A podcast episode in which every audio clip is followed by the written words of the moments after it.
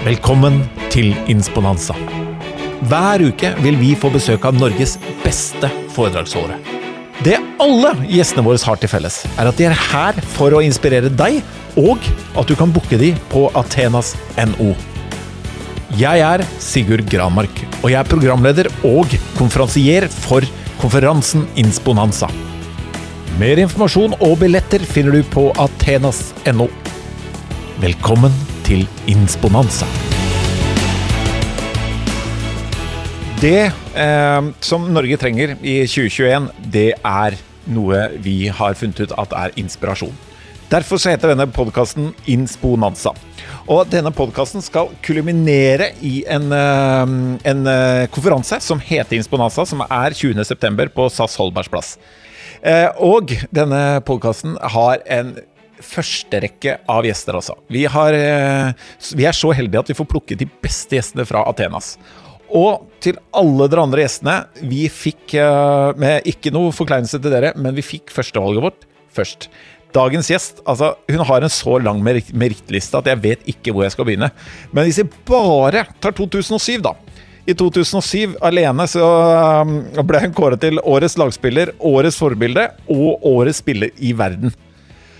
Og um, hun har vært med i OL, hun har vært med i EM, og for min del så kjenner Espen Jansen, så gleder det meg stort at hun ble første kvinnelige mester av 'Mesternes mester', for der slo hun Espen Jansen i finalen.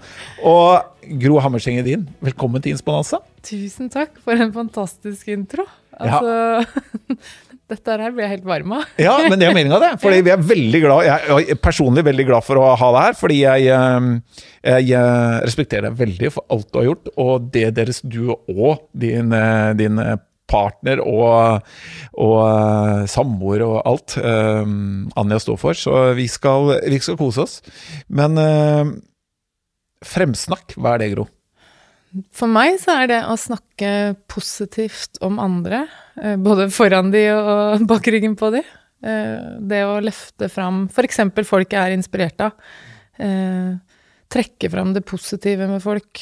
Være med og bidra til at mennesker ser sine egne styrker og får det godt på innsida. Jeg får det veldig godt på innsida av å snakke fint om andre òg. Prøver å være en rollemodell for ungene mine på det òg. Og så er det faktisk også mye selvsnakk. Altså positivt selvsnakk ligger også i det. Eh, hvordan behandler jeg meg sjøl? Hvordan prater jeg til meg sjøl når det er krevende tider? Hvordan takler jeg suksess? Hvordan takler jeg motgang? Så ja, det, er, det ligger mye i det. Så jeg gleder meg til å snakke mer om det. Ja, og du skal få lov å snakke mer om det om litt her i podkasten. Og du skal jo også, det er jo temaet ditt på Insponanza 20.9. Mm. Sammen med Anja. Eh, jeg har jo eh, lyttet jo til en del podkaster, eh, glad i formatet. Jeg syns noen ganger at introduksjonene og det å komme i gang kan ta litt tid. Så um, jeg tenkte vi skulle være litt effektive. Ja. Og rett og slett bare starte med en litt sånn oppramsing av spørsmål for å bli litt bedre kjent med hvor du er akkurat nå. Så da har jeg laget en sånn eh, nesten en sånn eh, speeddate. Hvordan bli kjent med andre her. Og det, du bare henger på, ok? Dette blir min første speeddate, så det gleder jeg meg veldig til. Ja, ikke sant? Vi får håpe han blir bra. Eh, hva betyr navnet ditt? Det betyr å vokse. Du har jo det enkleste navnet, egentlig. Ja, og det er så fint, for den, hjelper, den navnet hjelper meg litt. fordi jeg prøver jo å tenke det, at uh, jeg skal være i utvikling. Jeg syns det er veldig fint å tenke på at jeg kan lære noe nytt. Og ja, rett og slett utvikle meg hele veien, uansett hvor gammel jeg er, og hva jeg driver med. Så det er en fin påminner når jeg går på trynet, da. Uh, prøve å se på det som å vokse istedenfor uh, eh, feiling. Helt enig. Hvor har du vokst opp? På Gjøvik. Har du noen hobbyer? Altså, jeg vil jo si at kanskje trening er hobbyen min nå, da. Mm. Det var jobb før, nå er det trening. Uh, Sikkert deilig å ha det som hobby? Ja, vet du hva. Det er så godt å kunne egentlig velge det sjøl. mm. Beste barndomsminne? Uh, veldig mye gode barndomsminner med søsknene mine. Mm. Så egentlig sånn sommerferieminner med de. Juleminner hvor vi liksom sov på samme rom. og Veldig mye gode familieminner. Og hva skulle du bli når du ble stor? Jeg skulle bli politi. Pappa er politi, da, så det er jo sånn åpenbar grunn til det. Og så har jeg alltid vært litt opptatt av å være en tøff jente, da. Du vokste opp på Gjøvik med pappa som var politi på Gjøvik? Ja. Mm, fikk ikke gjort mye gærent da, kanskje? Eh, hva er det du vet nå som du ønsker at du visste når du var tenåring? Eh, Åh, det var et stort spørsmål. Um, jeg vet at uh, det er uh, fullt mulig å ha det godt med seg sjøl, selv, selv om man ikke får til alt og ikke mm. nødvendigvis er fornøyd med alt. Ja. Bra svar, altså. Hvis du og Anja skal kose dere en kveld, da, mm. hva er din liksom go to-rett? Hvilken matrett er du best til å lage?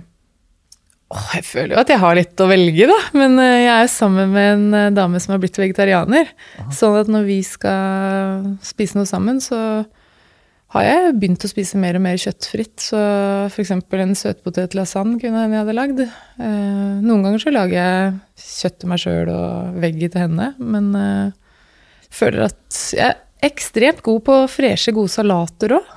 Uh, og da velger du? Jeg tror nok jeg hadde begynt med å lage en veggrett, altså, for jeg er litt romantisk. Så jeg hadde gjort det for å glede kona mi. Så syns jeg det er godt sjøl òg, da. Så ja, det hadde blitt sånn.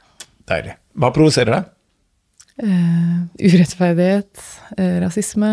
Uh, egentlig sånn Det er mange ting som provoserer meg, da, men uh, jeg tror det er urettferdighet som sånn først kommer opp. Ja. Hva gleder deg? Åh, oh, det er enda mer, heldigvis. Kjærlighet, venner, familie, humor. det å ha en skikkelig god Uh, å få seg en god latter. Mm. elsker å le. En skikkelig god latter er deilig. Hva inspirerer deg, da? Uh, jeg blir inspirert overalt av så mange mennesker. Men uh, først og fremst så blir jeg inspirert av folk som våger å være seg sjøl, mm. og som klarer å liksom, finne ro med at de er seg, og folk som ikke jager så mye. Uh, jeg blir inspirert av de som klarer å finne mening i uh, liva sine uten at det handler om uh, karrierejag og penger. Bra. Største tabbe? Å, jeg er ikke så godt trent i å se på det som tabber. Jeg ser på det mye som læring. Uh, Fremste læring, da? Hva skal det være, da? Jeg har jo gjort mye rare ting, da. Men det er ikke noe som har fått noen vanvittig store konsekvenser. Da. Vet du, Jeg klarer ikke å komme på noe sånt umiddelbart. Det er bra, det. Ja. Da, men da har du faktisk klart å gjøre det om til læring, da.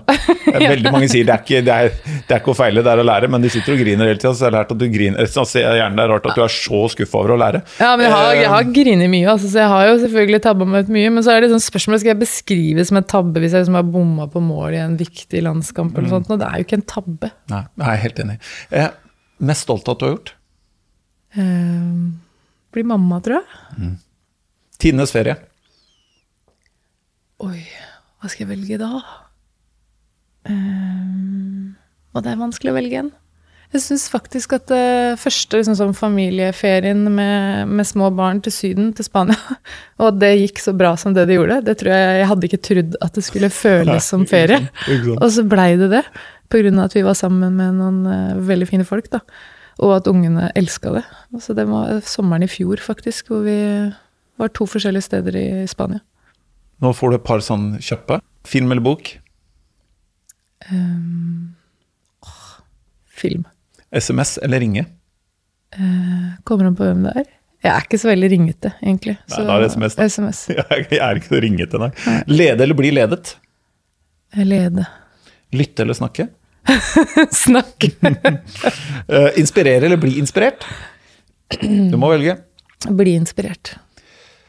Hvem er din største inspirasjon, Gro Hammersingen din? Eh, kan jeg få velge to? Mm. Eh, det er kona mi, Anja. Og så er det ei dame som heter Brené Brown, som er mm. forsker. Som eh, bare syns er helt fantastisk. Bruker masse av det jeg har lest og, og lært av henne. Det ligger jo en eh, ganske bra et, en god forelesning med henne på Netflix, som mm. jeg har sett, blant annet. Mm. Eh, som jeg likte godt. Ja. Jeg har lest en bok, jeg husker ikke hva den het, for noen år siden, som jeg syns var bra. Ja, jeg har lest flere. Det er veldig lett å finne TED Talks med henne, som ja. er bra. Og det er en bok som heter 'Reis deg med ny styrke', som jeg syns er helt fantastisk. Ja. alle bøkene hennes er det. Hva, altså, vi, skal, vi, vi, snakker jo om altså, Norge trenger inspirasjon, da. Mm. Det, er liksom, det har vært 2020 Det har vært seigt for mange, da. Eh, og så er det jo selvfølgelig hva man gjør det til, og sånn, men, men eh, hva ligger i dette fremsnakk litt tilbake til det, som gjør at det du, Jeg syns det er veldig spennende det du sa med den eh, fordoblelsen. Da, det at det er mm. bra for deg også. Ja. Eh, fortell litt mer om det. Um, jeg tror at jeg har gått en veldig god skole i, uh, i det norske kvinnelandslaget. Da. Jeg har vært en del av det i veldig mange år. Uh, og der, uh, der, opplevde jeg at det var en veldig god kultur på det Hvordan snakker vi om hverandre? hva er det vi leiter etter? Mm. vi leiter veldig mye etter styrkene i andre.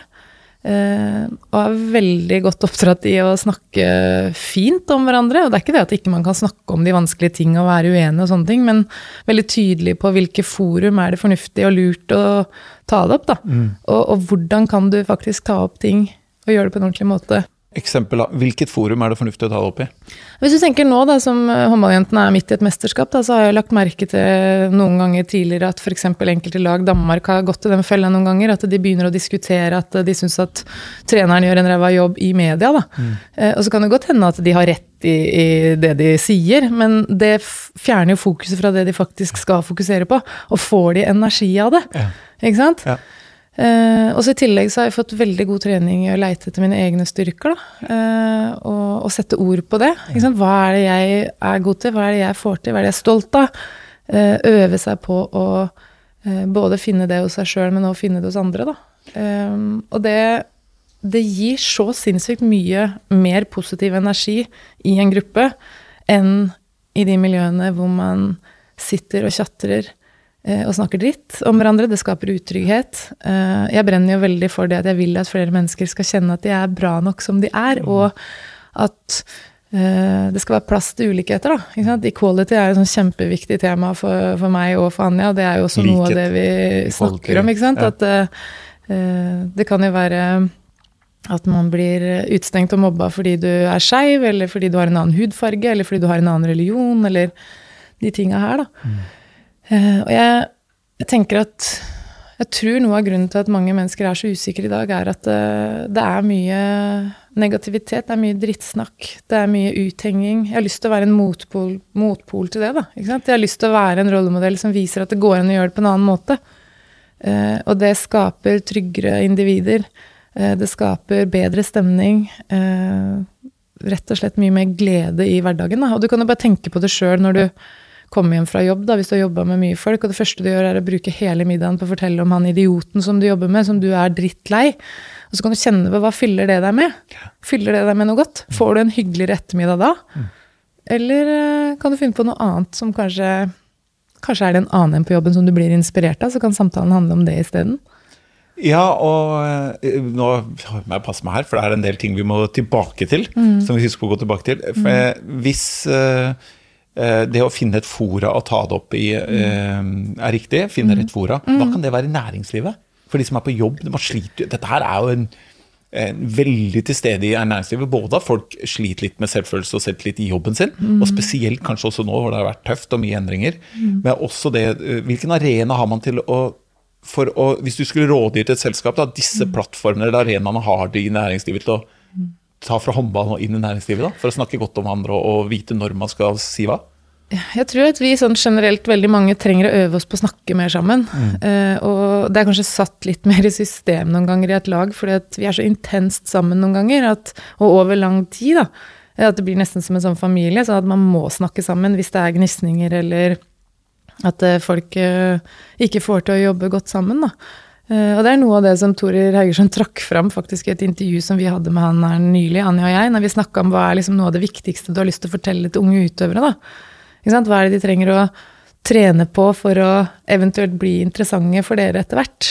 Og det var en av de tinga han hadde fokus på, det var at uh, tren på å snakke sammen og sette ord på uh, følelsene og tankene dine, og uh, det tenker jeg jo at kanskje man i næringslivet noen ganger kunne ha gjort litt oftere. Da, det der med at sette litt i systemet at vi må snakke sammen. Og hvis det er trøbbel i tårnet, så må vi inn og sitte i garderoben sammen. Mm. Og så må vi prate mer, eh, bli bedre kjent, kanskje eh, prøve å skape da, tryggere arena til å være uenige og skjønne at uh, det går an å fungere fint sammen, og det er det jo mange som får til, herregud, i næringslivet. Det er ikke noe sånn at jeg skal si at det er bedre i idretten, men jeg har i hvert fall tilhørt et, et miljø hvor vi måtte trene mye på det, da. Og vi fikk jo en fordel fordi vi bodde jo sammen ofte på hotellrom og eh, kom så tett på hverandre at vi ble pressa til å snakke om mye annet enn jobb, da. Mm.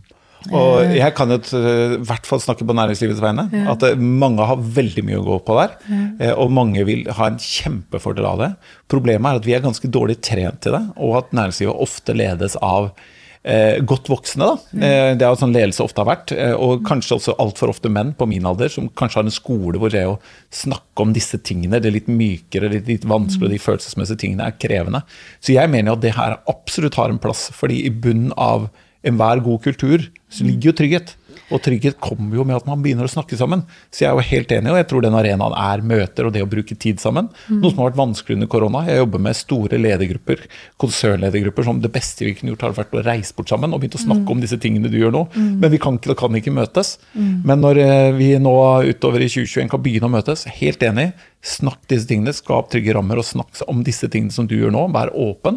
Og jeg tror bare rett og slett det er møter. Og, Ja, altså- på kanskje nøytrale steder og sånn som er nøkkelen. Og så tror jeg på en måte at vi må tåle at det kjennes litt ukomfortabelt og rart i starten hvis man ikke har gjort det så mye, da. Og så er det en kjempefordel hvis man kan ha ledere som da går litt foran og viser vei, da. Veldig bra. Eh, og bruker mye tid på eh, å snakke med de eh, som jobber på den arbeidsplassen. Eh, og viser at eh, her er det et rom for å snakke om både de bra tinga og det som er vanskelig. Og jeg har jo opplevd en del krevende samtaler som kaptein, f.eks. Ja. Og skulle ta opp da ting med typ Marit Breivik eller en, en trener som jeg har enorm respekt for, som også, selv om Marit er jo, har jo vært en, en eh, veldig varm og, og raus leder, men hun er jo også autoritær. Ja. Eh, Det er ikke til å stikke under en stol det, at når du sitter der og skal ta en samtale med noen du, du respekterer så høyt, da, og du skal være uenig, så er det jo ikke behagelig. Hvordan gjorde du det? Og jeg, jeg opplevde jo ved et par anledninger ganske tidlig at hun blei litt sånn satt ut av at jeg turte å ta opp noen ting. Og så blei hun veldig glad for det, fordi det kom fram informasjon som hun gjerne ville ha.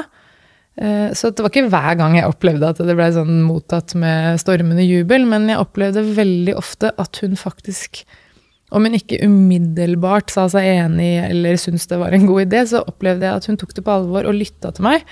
Eh, og jeg merka sånn i etterkant at hun hadde faktisk hørt etter. da. Og jeg opplevde også at ja, det gikk jo bra. Hun er ikke sint eller sur eller prøver å straffe meg på noen måte fordi at jeg tok opp noe som var vanskelig.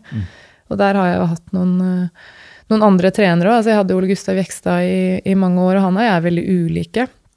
Og det var jo vanskelig å kommunisere noen ganger, fordi vi hadde litt forskjellige preferanser, da. Og var opptatt av litt forskjellige ting noen ganger. Men samtidig så merka jo jeg at han utfordra meg, eh, og fikk meg til å tenke litt nytt. Og jeg tror, jeg håper i hvert fall det, da. At jeg kanskje også pressa han noen ganger ved å tørre å utfordre, Ja. eller være uenig, til å eh, forstå at ok, men kanskje leder du en gruppe da som er litt annerledes, som trenger noe annet, som vil ha mer av dette og dette. Kan du ikke gi det, da? Ja, og da må man jo vite hva gruppa vil ha mer av og mindre av.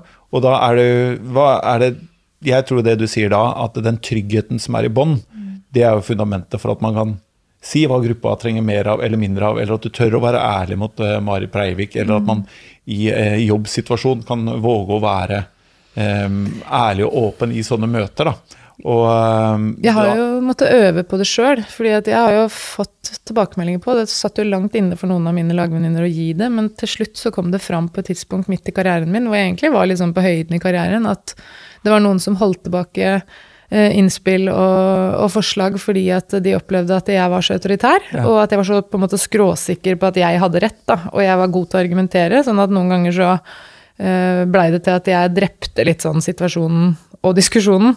Eh, fordi jeg var autoritær og god til å argumentere. Og det var jo beinhardt for meg å få den tilbakemeldingen, og jeg husker jeg gråt. Jeg syntes det var eh, så vondt. Samtidig den beste tilbakemeldingen jeg har fått i hele mitt liv, fordi det pressa meg til å tenke jeg må gjøre en endring, for ellers så kommer ikke viktig informasjon fram til meg som en form for leder i et lag, da.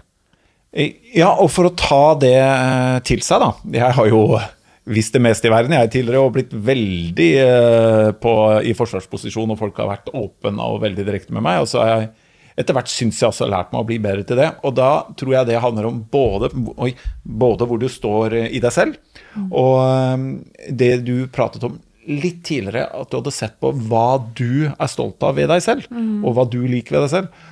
Og hva er det, Gro? Hvis vi nå går vekk fra håndballbanen og tar Ja. personen Gro, hva er du stolt av? Eh, Jeg er stolt av mange ting. Det er egentlig sånn godt å si, da. Men jeg er veldig stolt av eh, at jeg har skapt meg en hverdag som jeg trives veldig godt i. Altså, jeg har et liv og en familie som ja, jeg elsker. Og våkner opp og kjenner virkelig på at eh, det er meningsfullt, og jeg har mye glede i hverdagen. Det er jo det ene. Barna mine og, og kona mi, da. Og så er jeg stolt av at jeg opplever at jeg tør å være meg sjøl.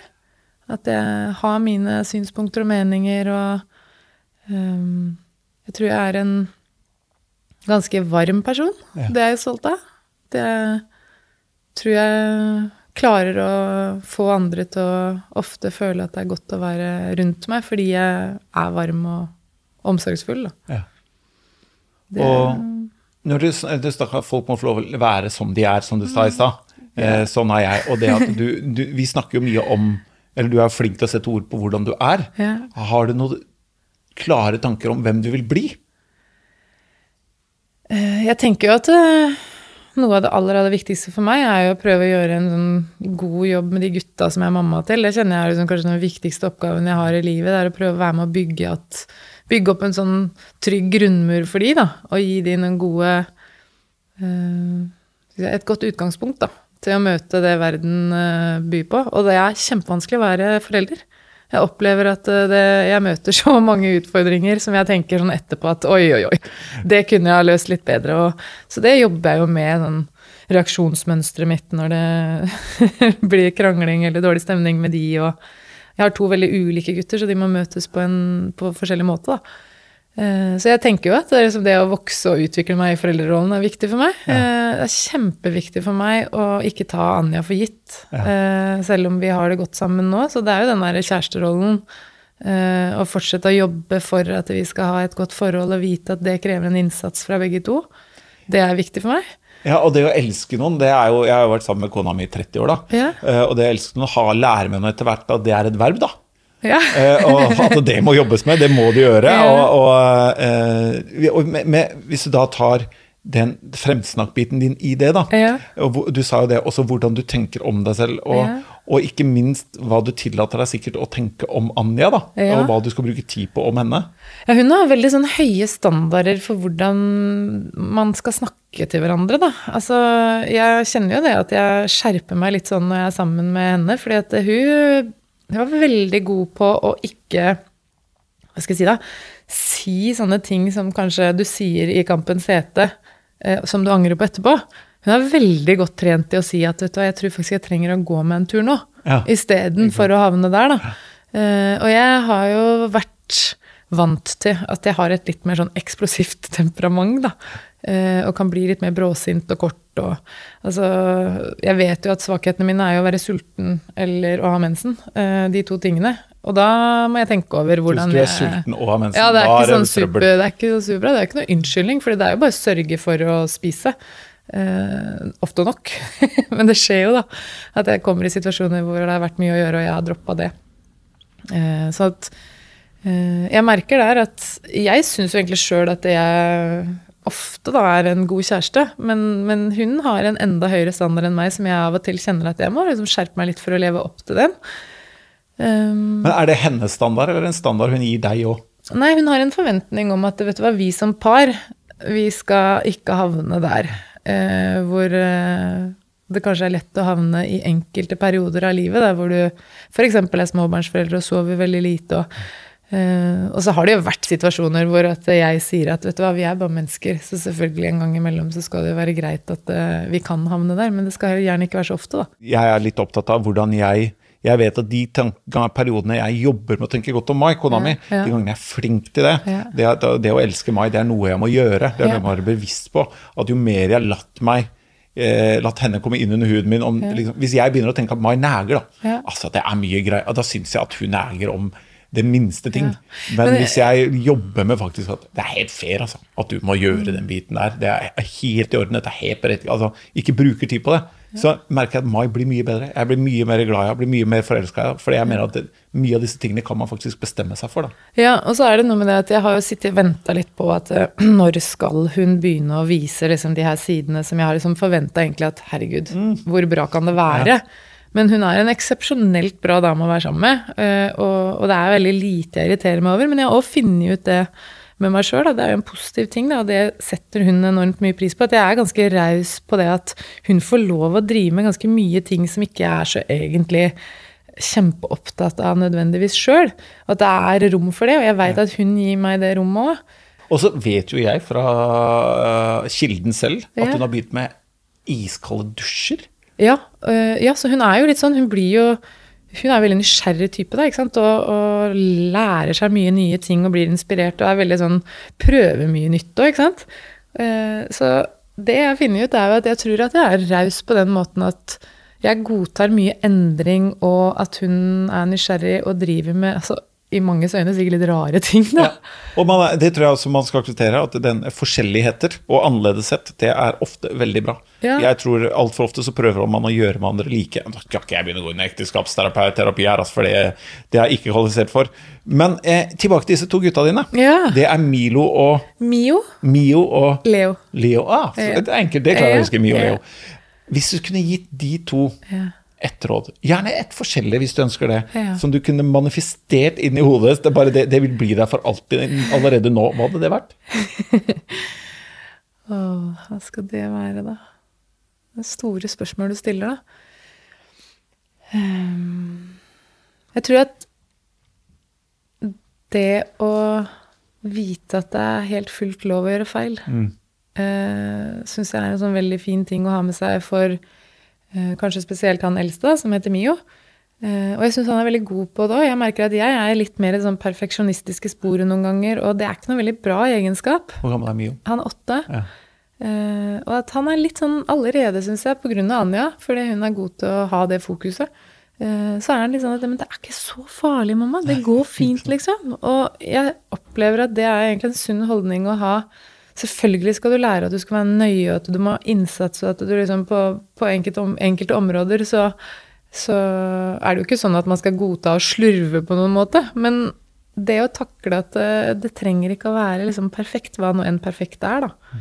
Um, og så pleier Anja å si en sånn fin ting 'det går over', sier hun. Og det er også noe å ha med seg, for det, det gjør vondt av og til. Altså Du opplever, det gjør vi voksne, og det gjør unger òg, opplever ting som er kjempekrevende. Eh, og det går over. Det gjør det. Eh, og så tror jeg jo at sånn som han uh, yngste vi har fått, da, han er to og et halvt nå, og han er nok litt mer sånn temperament Han har sånn temperament som jeg opplever at jeg har. Da. Jeg kjenner meg litt igjen i det. Det er, det er mye. Får lyst til å kaste ting, og han kaster også ting. Ja, okay. Jeg ligger i familien og kaster ting. Ja. Så tenker jeg jo at det er også en styrke, da. At jeg har lyst til at han skal vite at det er ikke noe man skal drive hele tida og prøve å dempe heller. Fordi det er noe fint i det. Det er energi, vet du. ja, det er masse energi. Og jeg, jeg sier jo veldig ofte at uh, uh, uten å ha noen fasit på det, jeg mener at energi er universalnøkkelen til så mye bra. da. Når vi, vi blir liksom dempet på så mye i arena for at vi skal liksom holde, legge bånd på oss. Begge gutta våre er veldig lette å begeistre, og det er noe jeg elsker. Altså folk som blir begeistra og lar seg rive litt med og kjenner på liksom det at det er tillatt å bare ja, la seg rive med og glede seg og ha det fint. da. Det var sist gang du ble skikkelig begeistra. Jeg blei veldig begeistra bare i går, jeg, når jeg så på Norge spilte landskamp. Og så ble jeg kanskje begeistra, jeg ble veldig rørt når Katrine Lunde sto etterpå og Ja. Framsnakka lagvenninnene sine og det miljøet hun har kommet inn i. Og så har hun vært åpen om at eh, de mista et ufødt barn rett før mm. hun kom inn i, i leiren og sånn. Og da ble det litt sånn ekstra sterkt når hun da står der med tårer i øya og bare snakker så varmt og fint om den måten hun ble møtt på, og hvor fint det hadde vært å komme inn i det miljøet. Og da blei jeg så eh, både rørt og glad. Eh, og jeg husker også jeg blei helt vanvittig vanvittig begeistra rørt når han som var kaptein for dette nødlandslaget, Ja. som de kalte det, sto i, i mix-zone intervjusona etterpå Mats Møller Dæhlie. og, og snakka. Eh, da kjente jeg opp, fordi jeg er guttemamma, da. Der sto han, og jeg vil jo si at det var tett på at han sto og gråt, ikke sant. Viste masse følelser. Snakka om at det, det hadde vært kjempekrevende. For et forbilde for gutta våre. Å se, der står han, ikke sant. Tøffe landslagskapteinen og uh, viser følelser, viser sårbarhet. Uh, det var sånn moment for meg. Ja, og lag trenger sånne. Jeg så jo også, apropos det håndballandslaget som er nå, at Nora Mørk har jo fått også kred med hvordan hun har kommet tilbake etter, eh, etter skadene og bryr seg enda mer om laget, bidrar enda mer inn i laget. Men jeg lurer på, når du har Hva er det jeg, eh, hva er det jeg så her? Du har eh, 631 kamper og 167 mål eller noe sånt. Eh, sitter du er, hvordan, Nå var det jo veldig raust med hvordan TV-seer du er, men er, er, er det sånn eh, Hvordan ser du på håndball? Ser du på det som alt var bedre før, eller er du bare imponert? Når du og Anja ser på håndball, er dere bare tilskuere, eller sitter dere veldig teknisk og ser på det, eller hvordan ser du håndball? Vi er veldig forskjellige, Anja og jeg, når vi ser håndball. eh, Men jeg, som i alt annet, så blir jeg veldig fort begeistra og inspirert og imponert. Altså det skal ganske lite til. Jeg, det er jo en sånn fin ting, da. Når jeg ser håndball, så ser jeg jo også der etter hva som er bra. Og blir så vanvittig ofte imponert. Og jeg husker det fra jeg var liten, når jeg så sport sammen med familien min.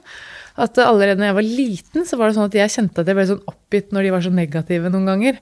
eh, Og satt liksom og kritiserte og eh, jeg synes, altså Øynene mine leter etter noe helt annet, da. Så jeg blir jo veldig fort uh, fort inspirert. Men samtidig så skal jeg jo si det at av og til når jeg sitter bare jeg og Anja, så kan jeg jo innrømme at uh, det kommer jo noen andre uttalelser og kommentarer iblant da enn det som kommer fram når jeg sitter og er ekspert for TV 2, på en Ja, måte. ikke sant? Det må være lov, det. Uh, ja, ja. Så at eh, av og til så er det jo absolutt bra at jeg ikke har eh, lyd på eh, ut til folket. Men sånn grunnleggende så jeg blir blåst av banen, og jeg sitter definitivt ikke og tenker at alt var bedre før. Altså Tvert imot så er det jo sånn som det gjerne er, da, at det skjer jo en utvikling i sporten.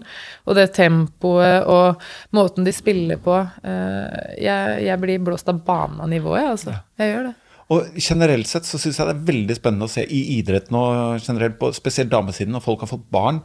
Og det gjelder jo em, Sokrates sa at eh, forskjellen på den geniale og den normale er hvor lenge den beholder evnen til å undre seg. Og forgjengeren til utvikling er at du lurer på noe. Mm. Og når du ser Camilla Herrem nå, som er fantastisk god i, etter å ha fått barn og eh, raskere Det er veldig interessant med idretten, men hvordan langrenn og veldig mange ser at du blir tregere som utøver. Mens verdens raskeste mann, Justin Gatlin, er 35 år. Så liksom, jeg tror noen bør se, se litt der også. Men det er spennende det å se at selv i idretten så får man utvikling i, eh, i voksen alder, eller i, i, som godt senior. da. Og det syns jeg eh, fremsnakk. Og det er det Hvis du jobber med å Jeg skrev opp når du sa du er flink til å se etter noe. Jeg har det, det seek and you will find. da, Hva ser du etter? Ja, ja, ja. Og folk, eh, Hvis du kunne avslutta litt med to ting. Eh, første er hvor kommer dette fremsnakk fra? Er det at du har eh, ting du har opplevd, eller du og Anja har opplevd som skeive, eller hatt den annerledes? Er det det at har man opplevd det motsatte, eller er det bare helt naturlig for dere at det er dette temaet dere har havnet på? Eller du? Jeg tror jeg eh, har kjent så på kroppen så mange ganger fra jeg var helt liten. Hva, hva skjer med meg når uh, noen framsnakker meg? Ja. Uh, hva skjer med meg sjøl når jeg gjør det med andre? Hvilken følelse får jeg inni meg? Og den følelsen, den vil jeg ha mer av. Så det har gått veldig sånn av seg sjøl. Og så kjenner jeg at jeg jeg får mye motstand da, i miljøer hvor, hvor man liksom tillater seg å kose seg med misnøyen, da. Eh, Det er jo så lite inspirerende. Du får så lite energi av det. Eh, Og er det noe jeg elsker, så er det å føle meg fylt opp med energi. Mm. Så jeg tror nok at jeg har både kjent på den positive effekten av å eh, ja, leite etter det positive med meg sjøl istedenfor å leite etter alt jeg ikke kan. Eh, og ikke minst med andre. Um, og så har jeg selvfølgelig også tilfeller av at jeg har hatt jobba med folk da, som er alt annet enn gode på det. Eh, og merker hva skjer da. Eh, Ja, ja, det er jo mye å lære av noe motsatt atferd. og så er jeg veldig opptatt av å få fram det, da, at eh, den der fokusen på framsnakk betyr ikke at ikke jeg stiller krav, at ikke jeg har høye standarder, eh, at jeg ikke utfordrer eh, både meg sjøl og de jeg skal jobbe med. For det går an å gjøre på samme tid. Eh, Så det er ikke noe sånn derre dulling eller lalling med at nå skal vi bare være så positive her. Det er ikke det jeg snakker om. Eh, fordi at jeg har holdt på med prestasjonsmiljøer og kulturer hvor det er fullt mulig å kombinere det her. Eh, og så er jeg mindre og mindre opptatt av prestasjonskultur, hvis jeg skal være helt ærlig. Ja. Eh, jeg er mer og mer opptatt av at jeg vil at både jeg sjøl, ungene mine, de jeg er sammen med, og jeg vil at så mange som mulig skal kjenne at de har om ikke de har ro på innsida, da, så i hvert fall at de skal kjenne at eh, de har meningsfulle liv, og at, de, eh, at flere folk går rundt og føler at jeg, jeg er ikke en failure. Eller det er mange som, veldig, veldig mange som går og sliter med tunge, vanskelige følelser om både seg sjøl og ikke syns at de får til noe.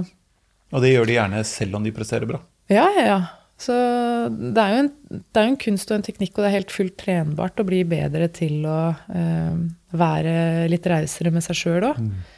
Og når jeg driver og sier at man skal være fornøyd med seg sjøl, så, så mener jeg jo ikke det at liksom, jeg syns at hvis du er drittsekk mot andre, så skal du fortsette å bare være fornøyd med å være en drittsekk. Sånn at liksom Nei, for du der Ja. må jeg bare avbryte deg. Ja. Der, der jeg, får jeg som varseltrekant på det Ja. du sa i stad, men sånn er jeg bare. Ja. Fordi jeg jobber med, med toppledere som har en atferd Ja. som er eh, Også har gjort det med utøvere som har vært i lag. Ja. Som, er, som de sier ja, men jeg er bare tydelig, eller sånn er jeg bare. Nei, men du er ond, du sårer andre. Ja, men så, Da syns jeg den sånn er jeg bare. Den funker Nei, ikke den der. den funker jo ikke i det hele tatt for meg heller. Definitivt ikke. Så jeg tar liksom litt for gitt når jeg snakker om de tinga her, at det er mennesker som ønsker å på en måte Hva skal jeg si, være kanskje litt i en form for uh, utvikling, da. Jeg tror ikke du skal ta det for gitt sånn generelt sett. eh, Nei da. men, uh, Men jeg skjønner veldig godt hva du mener. Men det jeg mener er at uh, det, det er trenbart, da. Det er trenbart å endre måten å øh, tenke på og være på.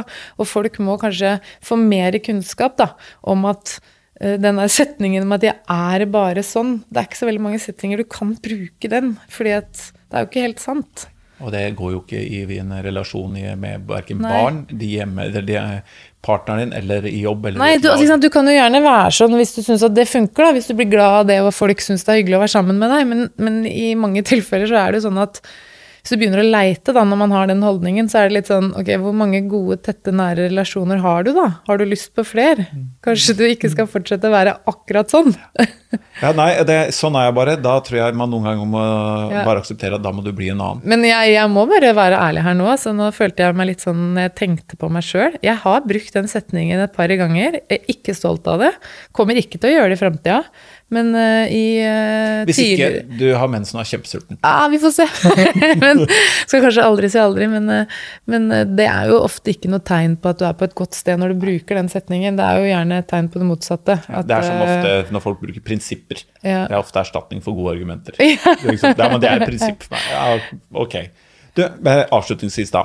Du sier når man da kan jobbe med teknikker for dette her. Ja, ja. En av de teknikkene jeg liker veldig godt, som du beskrev for meg, er at du er bevisst på hva du ser etter. Vi skulle gitt folk i denne fremsnakk eh, teorien, som jeg også for meg blir også sånn fremtenk. Ja. Eh, det handler jo om det, det veldig mye også. Mm. den derre Du ser, du finner hva du søker etter. Du veit hvor jeg vil nå. Hva, hva kan du gi folk noen tips der? Bare helt avslutningsvis. Hvordan kan folk Vi skal gi én teknikk for å bli bedre til både hvordan de snakker om andre, til andre og om seg selv. Uh. Hvis jeg skulle velge én ting, så tror jeg nok jeg hadde gått rett til sånn takknemlighetsøvelse, takknemlighetstrening. Og det kan være så enkelt som om at du har en liten glassbolle som du fyller opp. Som du skriver på om morgenen når du står opp, så kan du skrive tre ting som du er takknemlig for.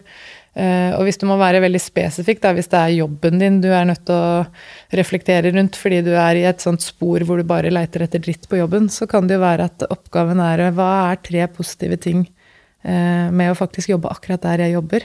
Det kan være å leite etter da positive ting med noen av de du jobber med. Eh, jeg er jo veldig inspirert av eh, Ivar, som eh, også er en foredragsholder eh, for Athenas. Som eh, sosialantropolog, Ja. som har skrevet 'Kunsten å virke sammen på jobb'.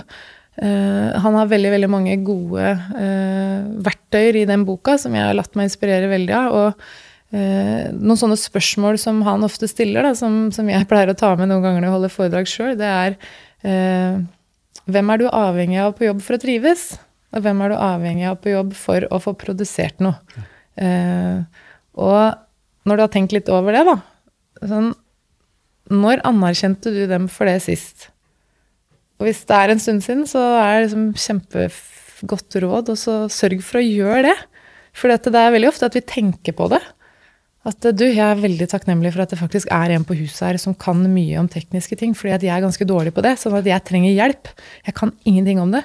Og da trenger du ikke nødvendigvis å like den personen som er ansvarlig på teknikken, men du er avhengig av den personen for å få gjort jobben din. Eh, og da kan du leite etter det, da. Uh, ikke sant?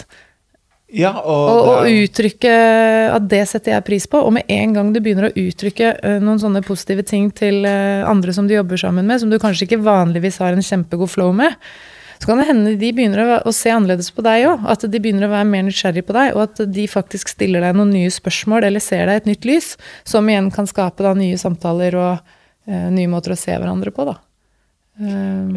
Jeg trenger ikke å følge opp med noen spørsmål på det der. Det synes jeg var. Du så litt på meg som at jeg skulle komme inn med noe, men det trenger jeg ikke. Jeg lurer på, er, er det noen spørsmål jeg burde stilt deg som jeg ikke har stilt deg, når det gjelder fremsnakk eller det å inspirere folk? Nei, jeg, jeg, tenker bare at det er så deilig å få lov til å være f.eks. på det laget med Athenas-gjengen, hvor det er så mye inspirerende folk. Og liksom, jeg føler jo bare at jeg har jo lyst til å sette meg ned og høre på de samtalene du skal ha med Marco, som du skal ha med Gjert, som du skal ha med disse her fantastiske menneskene. For at øh, jeg blir fylt opp med så mye energi, ja av å, å, høre tankene til mennesker som jeg da beundrer og respekterer fordi at de brenner for noe som, som jeg syns er inspirerende. Da. Og f.eks. å se Familien Ingebrigtsen-dokumentaren er jo bare en, altså en fest i seg sjøl. Det er jo en gave til det norske folk, og det er så deilig eh, å også se hvordan de er helt 100 seg sjøl, virker det som, da. Uh, og så er det ikke sikkert at jeg hadde løst alt på samme måte, men jeg kan plukke ut så mye inspirasjon. Og um, Gro Hammersing Edin, mm. du er en inspirasjon. Jeg, ja, det syns jeg. Altså. Og det jeg synes at det jeg respekterer ekstremt med deg, og, og også Anja Men nå er, du skal få lov til å være det, nesten blitt tvillinger, så man snakker alltid om det. Men deg, og spesielt uh, deg, for å si det, det er at uh, du lever det du snakker. Alle jeg møter i den bransjen her, alle jeg møter, de har akkurat samme inntrykk av deg. Og helt til slutt skal jeg bare fortelle deg at da jeg, um, jeg var leder av Adidas, det var det vi snakka om før vi gikk på her, ja. så kosta du meg, du meg 1,5 million kroner. For uh, du var så inspirerende for oss at vi banka inn en uh, svær kampanje med Gro Hammersing din under OL i Beijing. Og det hadde jo ikke vi lov til. Men det hadde ikke jeg følt med, så du inspirerte meg så mye at vi fikk en bot fra IOC på 1,5 million kroner. Og de trua også med å ta deg ut av OL. Er det sant? Så, ja, helt riktig. Det har aldri fått fortalt deg, men nå vet du og alle andre det. Eh, Gro Hammerseng, Edin, tusen takk for at du kom. Det var en glede å ha deg her. Og til dere andre der ute, hvis dere vil oppleve Fremsnakk og Gro, så går dere på atiko.no 20.9. på SAS Hotell Holbergs plass, og så er det bare å kjøpe billett og glede seg. Tusen takk for at du kom. Åh, takk for at jeg fikk komme. Det har vært en fornøyelse. Hver uke vil vi få besøk av Norges beste foredragsholdere. Det alle gjestene våre har til felles, er at de er her for å inspirere deg, og at du kan booke de på Athenas NO.